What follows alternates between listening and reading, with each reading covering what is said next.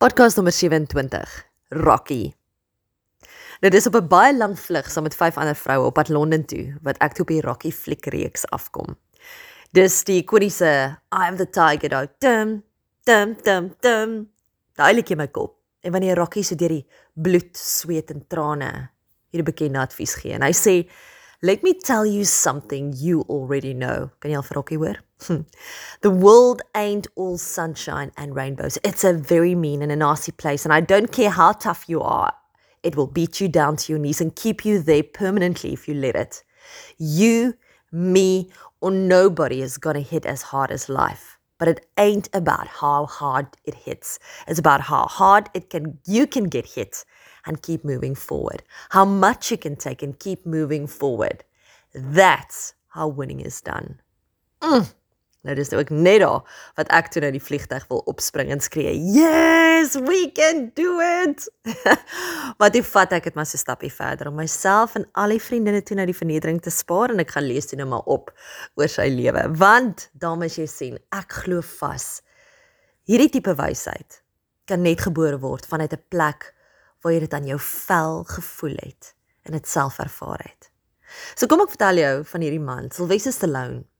Hy het wêreldwyd bekendheid gewerf, verwerf vir sy hoofrol in die trefferfliek Rocky in 1976 al. En as kind het hy maar in 'n middelklashuis groot geword. Interessant genoeg met geboorte het komplikasies ingetree en hy moes mediese toerusting gebruik om hom te verlos. En dit het gelei tot die verlamming van sy linkerkant se deel van sy gesig wat toe nou die bekende spraak en daai gedeelte weet eh, vorm toe nou Rocky gemaak het. Maar dit het gelei dat hy verskriklik baie gespot is. Sy droom om akteur te word, het hy probeer uitleef totdat hy geen geld betaal het nie en hy vir 3 weke op 'n busstasie moes slaap.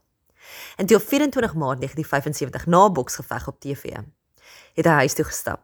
En na 3 dae en 20 ure aan een het hy die raaiboek van Rocky geskryf.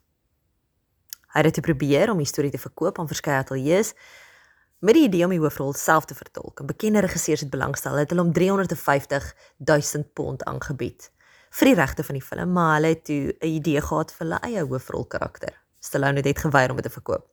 Tensy hy nie die hoofrol en die hoofkarakter kon vertolk nie, wou hy dit verkoop nie. En na vele onderhandelinge en nadat die begroting toe aansienlik gesny is, is 'n kompromie bereik. En is daar ooreengekom dat hy die ster kon wees. Rocky. Die fliekreeks is vervilm. En daai einste fliekreeks wat uit daai laagtepunt in sy lewe geskryf is, is genomineer vir 10 Academy toekenninge, insluitend beste akteur, beste oorspronklike draaiboek nominasie.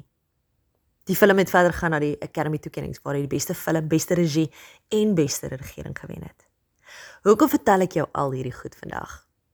Want daar sal altyd 'n paar uitdagings wees wat jou gaan probeer stop om nie te doen waarvoor jy geroep is nie.